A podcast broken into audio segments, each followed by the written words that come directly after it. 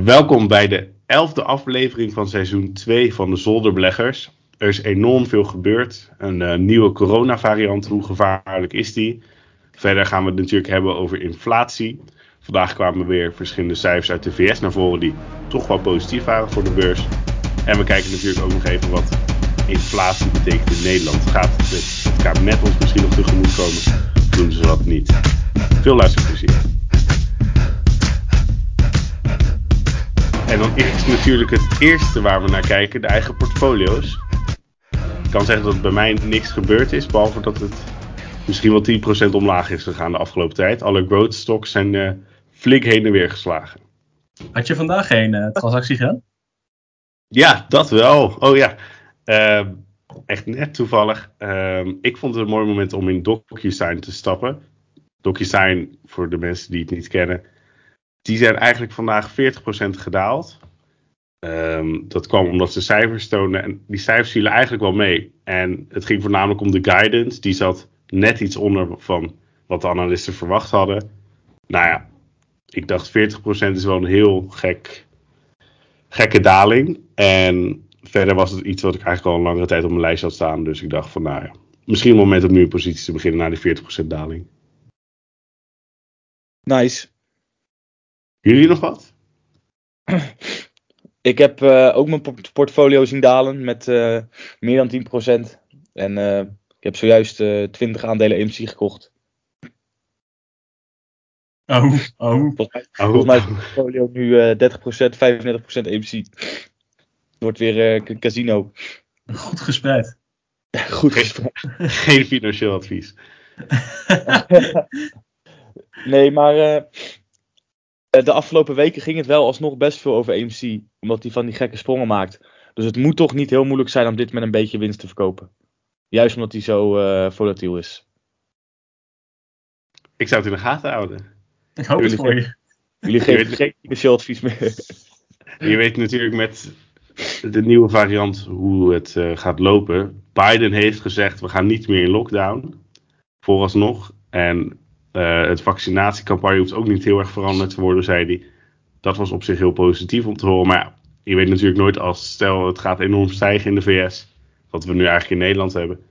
Misschien moeten ze dan toch strengere dingen gaan doen. Jan, jij nog wat gedaan? Uh, niks gedaan. Wel, uh, ja, het zullen ook wel meer mensen herkennen die ook een ja, individuele mid-cap growth-achtige aandelen hebben. Ja, die hebben gewoon best wel teken gehad natuurlijk door de inflatie verwachtingen die toch inderdaad wat uh, omhoog gingen de afgelopen paar weken. En dat misschien ook daardoor de centrale bank wat eerder in zou grijpen. Wat voor mij betekende dat mijn positie in AV Point nog wat verder gedaald is. Want dat is natuurlijk een ja, aandeel dat gevoelig is voor uh, ja, discounted cashflow models. Waarbij inflatie betekent dat ja, groei in de toekomst toch wat minder waard is in het heden. En ja, dat zie je toch al bij die groeiaandelen terug. Maar nee, verder geen, geen aanpassing of iets. Op zich is het nog allemaal heel voorbarig met die growth stocks. Want er is nog nooit zeg maar, een beetje een hint geweest naar echte renteverhogingen, toch? Dus het is echt allemaal nog aan het inprijzen van stel het verandert. Ja, dus het is echt wel een klein beetje uh, aftasten. Um, nou, we komen er misschien later in de podcast ook nog verder op terug. Hè. De herbenoeming van Powell zijn er vorige week even op teruggekomen. Dat uh, Jerome Powell toch ineens afgelopen week uh, ja, wat meer een havik is geworden. En dat hadden we vorige, vorige week aan het einde eventjes over. Dat betekent gewoon dat hij de inflatie harder aan wil pakken. En dat betekent in centrale bankentaal dat de centrale bankenrente eh, wellicht eerder omhoog gaat dan gedacht. En dat vinden groeiaandelen nooit zo leuk. Want dat betekent dat kapitaal duurder wordt. En uh, ja, dat, dat hebben ze vaak nog nodig om te groeien. Dan is het misschien leuk om naar het echte eerste onderwerp te gaan. Um, dat is de nieuwe COVID-variant. We hebben het al even kort benoemd. Uh, er zijn verschillende, verschillende meningen zijn erover gesteld volgens mij vanuit de WHO. De ene zegt dat het iets uh, besmettelijker is, of eigenlijk flink besmettelijker moet ik zeggen. En de andere ook dat de impact ervan wat minder is. Is dit weer iets wat we, net als Delta, dat we heel veel paniek hebben zodra die uitkwam en dat het misschien weer langzaam weg hebt? Of denken jullie dat deze variant echt een impact gaat maken in de wereldeconomie?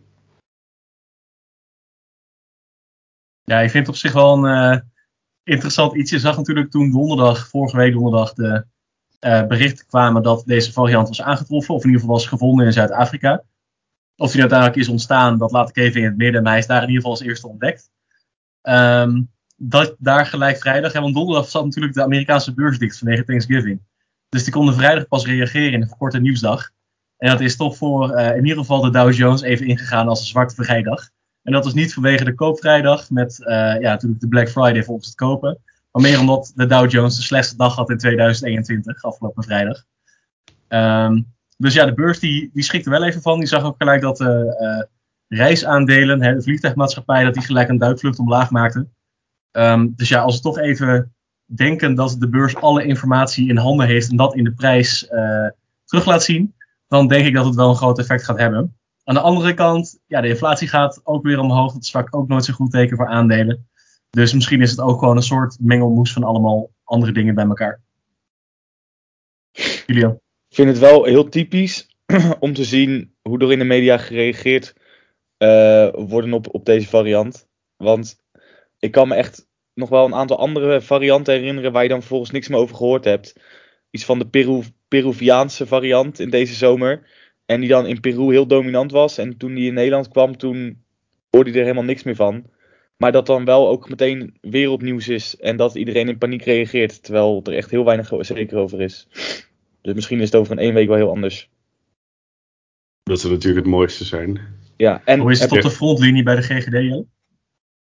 Ja, enorm druk. Uh, ik las zelfs dat de eerste militairen gingen helpen. Echt? Uh, ja. Dus die Met werden, testen, vaccineren of? Uh, voor mij allebei, maar wel de, de basisdingen. Maar wel gewoon omdat ze zoveel mensen nodig hadden dat, dat, ze militair gingen inzetten. Die werden ingewerkt, zag ik. En uh, die moeten uiteindelijk ook zelfstandig dan gaan werken. Dus ik ben heel benieuwd hoe lang dat nodig is. En uh, het waren ook militairen in training. Dus misschien dachten ze ook, nou, het is iets goeds maatschappelijk wat ze kunnen doen om, uh, om ook een soort van trainingstraject te gelopen bij de GGD. Julian? En doen ze dan een camouflagepak aan? Dat, dat weet ik niet. Ik zag wel inderdaad gewoon ook in, in, uh, in uniform zag ik inderdaad ook. Dat is de foto die volgens mij uh, via de pers werd verspreid. Of misschien alleen bij de GGD. Maar, dat is vreemd. Uh, dat, ja, nou, het laat misschien wel ook aan mensen zien hoe heftig de situatie ja. is bij de GGD. En de GGD heeft nu ook gezegd van uh, bij beeldenklachten zelf testen niet meer naar de GGD komen. Omdat het dus zo druk is. Dus. Hm. Wat heel gek is, omdat je hebt nu juist heel veel verschillende coronatesten nodig. Uh, om te onderzoeken of hoe de Omicron variant werkt. En dan ga je juist tegen mensen met lichte klachten zeggen: Yo, doe maar thuis eentje. Maar... Ja, dat is volgens mij toch wel, als je positief test bij een zelftest, dan moet je nog steeds naar de GGD. Ja, dan moet je sowieso, ja. Dat is sowieso altijd al, ter bevestiging is altijd nog uh, naar de GGD volgens mij. Oh, okay. Nou, over Omicron. Ik denk, laten we hopen dat het uh, meevalt. We zijn natuurlijk al bij Omicron. Ik weet niet of jullie Grieks hebben gehad, maar we hebben dus al een aantal, uh, een aantal Griekse letters gehad. Een paar zijn er ook uh, overgeslagen volgens mij, Jan. Ja, daar wilde ik er net op ingaan. Ja. De, de XI die was overgeslagen. Ja, dan en... gingen toch natuurlijk even de wilde geruchten omver. Ja, je hebt daar, uh, dan had je namelijk de MU-variant. Ja. Daarna had je de NU-variant. En nou ja, nu is overgeslagen. Ik denk gewoon puur omdat het misschien in de normale linguïstiek gewoon te veel op elkaar lijkt. Maar na de uh, nu-variant zou de Xi-variant komen. Uh, en die is overgeslagen. Dat is dus uh, Omicron geworden. Dus ja, daar gaan natuurlijk gelijk de geruchten rond van... Oh ja, zie je wel, we willen niet iets vernoemen naar China, weet ik veel wat. Want weet ik veel wat, die trekken aan het touwtjes, dat soort dingen. Ja, ik, ik weet niet, ik zou het eigenlijk ook wel gek vinden als er ineens een, een Rutte-variant zou zijn. Ja, dat, ik wilde daarom net hetzelfde zeggen. Of een, of een Smith-variant bijvoorbeeld, uh, wat je in Engeland heel veel ziet. Of een uh, Johnson. Het is op zich wel vreemd. En volgens mij ook omdat de achternaam gewoon zo vaak voorkomt in China. Niet per se alleen vanwege de president. Mm. Laten we dan naar het volgende gaan. Misschien wel heel belangrijk wat vandaag is gebeurd. Uh, dat waren de cijfers. En Jan die had het al mooi uit elkaar gezet. Dus brandlos. Waar ging het over? En, uh...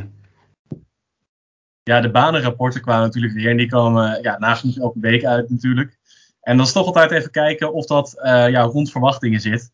Want nou ja, groei, krimp, eigenlijk maakt dat niet zo heel veel uit zolang het maar in de lijn der verwachtingen is. En dat betekent dat de beurs heeft ingeprijsd. Nou, in dit geval zouden dus qua banengroei uh, verwacht wordt dat er bijna een half miljoen banen bij zouden komen. Nou, het werden er ongeveer 200.000. Nou, het was natuurlijk wel een flinke domper. Wat ik wel bijzonder vond, was dat tegelijkertijd het werkloosheidspercentage nog verder daalde dan verwacht. Aan de andere kant was ook het aantal uh, bijstandsaanvragen, die ook een 52-year low aantikte. nou, neem even die drie gegevens samen. Dat houdt volgens mij in dat er dus gewoon minder participatie is op de arbeidsmarkt. Dus dat er gewoon meer mensen even afwachten met zich uh, ja, aanbieden op de arbeidsmarkt. Uh, ja, waar komt dat door? Misschien hebben ze wel heel goed geboerd op de beurs. Kunnen ze eerder met pensioen? Hè? Dat kan natuurlijk zo zijn. Dat mensen gewoon eerder met pensioen zijn gegaan, wat ze dat kunnen. Het kan natuurlijk ook zijn dat mensen gewoon hè, bang zijn voor het virus. Dus dat ze daardoor gewoon eventjes denken: joh, ik ga maar even niet de werkvloer op. Als ik me dat kan permitteren. Uh, en ik zit wel even deze, deze coronagolf uit. Um, nou, wat betekent dat verder voor de VS? Nou, je ziet dat in ieder geval weer dus die economische uh, gevoelige aandelen uh, flink wat tik hebben gekregen. Ik zag dat de Russell 2000 weer op het niveau zit van januari dit jaar. Dus die heeft de afgelopen 10, 11 maanden weer geen geïnvesteerd. dat is weer erg jammer. Uh, ja, en ondertussen, het was natuurlijk eventjes tot en met maart, april dit jaar. Dat vooral de waardeaandelen het beter deden dan de goede aandelen. Vanaf dal uh, coronacrisis. Inmiddels is de omslag ook weer dusdanig dat de goede aandelen weer de waardeaandelen aan het outperformen zijn. Wat volgens mij dus inhoudt dat er gewoon net wat meer onzekerheid in de markt zit en mensen gewoon wat verder weg willen kijken in plaats van korte Dat zou je niet verwachten, wauw. Ja, ik denk vooral ook een beetje omdat die groeiaandelen, dat zijn ook wel wat meer aandelen die uh, goed tieren op de working from home environment. Zijn de dus groeiaandelen, zijn dat uh, de, de zonnepanelen, de Tesla's, de... Ja, ja. Want die zijn helemaal niet afhankelijk van winsten die ze de komende paar jaar moeten maken. Want de komende paar jaar maken ze toch nog amper winst. Zij gaan heel veel winst maken over 10, 15 jaar, is natuurlijk het idee. De gele, de e-commerce sector, dat gewoon, ja. ja. Ja, als je even kijkt naar year-to-date, wat de beste sectoren waren dit jaar, dat zijn dan nog steeds energie trouwens. Um, dus ja, dat is dan wel een van de waardesectoren, even hoe je het zou kunnen labelen. Uh, maar chips, ook consumer discretionary doet het hartstikke goed. Ik weet niet of chips er onder vallen. Ik denk dat, ja, de tech doet trouwens ook nog goed. Het zal daar wel onder vallen. Maar inderdaad, hè, weer gewoon de, de Amazon, Tesla. Ja, dat zijn toch wel degenen die de kaart trekken bij consumer discretionary. Maar ja, uh, ik, ik, ben benieuwd wat het verder gaat lopen met de arbeid in de VS. Volgens mij was ook de unemployment rate voornamelijk bij minderheden enorm gedaald dit keer. Dus dat is ook mooi uh, om te horen dat dat iets meer recht wordt getrokken. Want die waren volgens mij echt veel hoger dan bij witte mensen, dus aanhalingstekens. En nu uh, blacks en Hispanics, dat was enorm gedaald. Dus dat is ook goed. Dat dat gewoon veel meer verdeeld wordt en gelijk getrokken wordt. Um, Frankrijk, misschien nog even kort noemen, Jan. Dat het minimumloon in Nederland door Frankrijk omhoog gaat. Ik weet niet of dat al gebeurd is. Of... Nee, het ligt nu bij het uh, Europees Parlement, geloof ik. Dit is wel iets dat ietsje langer speelde. En um, ja, we maken nu natuurlijk even de grote hop van de VS naar de andere kant van de oceaan, naar Europa. Waar natuurlijk ook veel gekeken wordt naar zowel de, arbeidsvloer als uh, inflatie. Want um, nou, op inflatie in Nederland komen zo nog eventjes uit. Met het Europees Parlement werd bijvoorbeeld ook even besproken wat er met minimumloon gedaan moet worden. Er ligt bijvoorbeeld een akkoord waarbij een um, land het minimumloon moet zetten op ongeveer 50% van het bruto loon en 60% van het mediane loon. Dus wat de 50%ste burger uh, verdient. De helft verdient meer, de helft verdient minder, even kort gezegd. Um, nou, dat zou in Nederland betekenen dat het minimumloon ongeveer naar 14 euro zou gaan. En zo zijn er nog uh, 21 andere landen, of 22 andere landen zelfs in Europa, die uh, dus een flinke stap zouden moeten maken in het minimumloon. En dat is gewoon puur om alles een klein beetje wat meer gelijk te trekken in Europa. Zodat je niet uh, ja, de vlucht hebt vanwege arbeidskosten naar nou, bijvoorbeeld Europese landen waar het loon lager ligt. En waarom door Frankrijk, wat Jelle net even aanhaalde. Nou, Frankrijk die haalde het debat weer eventjes aan in Europa. Dus. Um, en ja, dat doen ze omdat Macron volgens mij volgend jaar uh, verkiezingen voor de deur heeft staan. En die wil het volgens mij gedaan hebben voordat hij wellicht niet herkozen wordt. Dus ja, dat. Leuk. Leuk. Hm. Jullie al, wat zouden ervan vinden als het minimumloon naar 14 euro zou gaan? Uh, voor mij goed nieuws. ik verdien bij de McDonald's nog meer. Een geitje. Dit, dit, ja, het is wel gek hoor, om zo even het sprongetje te maken naar de inflatie in Nederland. Er waren ook cijfers uitgekomen van de gemiddelde CAO-lonengroei in Nederland. Dat was helemaal niks, echt, was dat? Ja, het zit volgens mij tussen de 2 en de 2,5 procent. Nou, Ja, is 2, 2,5 procent in normale jaren is dat gewoon hartstikke prima. Je gaat, eh, eh, nou, zeker als je kijkt naar de afgelopen 10 jaar, zou je dan het net iets beter doen dan inflatie. Wat dus gewoon betekent dat je er eh, in reëel, ko- reële koopkracht gewoon lekker op vooruit gaat. Maar Jelle, zoals we weten, dit jaar, hoe ziet die inflatie er nu uit? Volgens mij zitten we wel bijna tegen de 6% aan het hikken, dacht ik. 5,6 procent even uit. Ja. Vijf punt- ja, ik dacht inderdaad ook zoiets. Ja. Ehm, dus dat is, je gaat er enorm. En eh, voor ambtenaren weet ik dat die een nieuw CAO eh, kregen die best gevierd werd. Die was anderhalf procent. Nou, als je eigenlijk dus, voor mij heb ik dit al eerder gezegd, maar als je eigenlijk dus niet met 6% vooruit bent gegaan qua salaris dit jaar, dan ben je achteruit gegaan.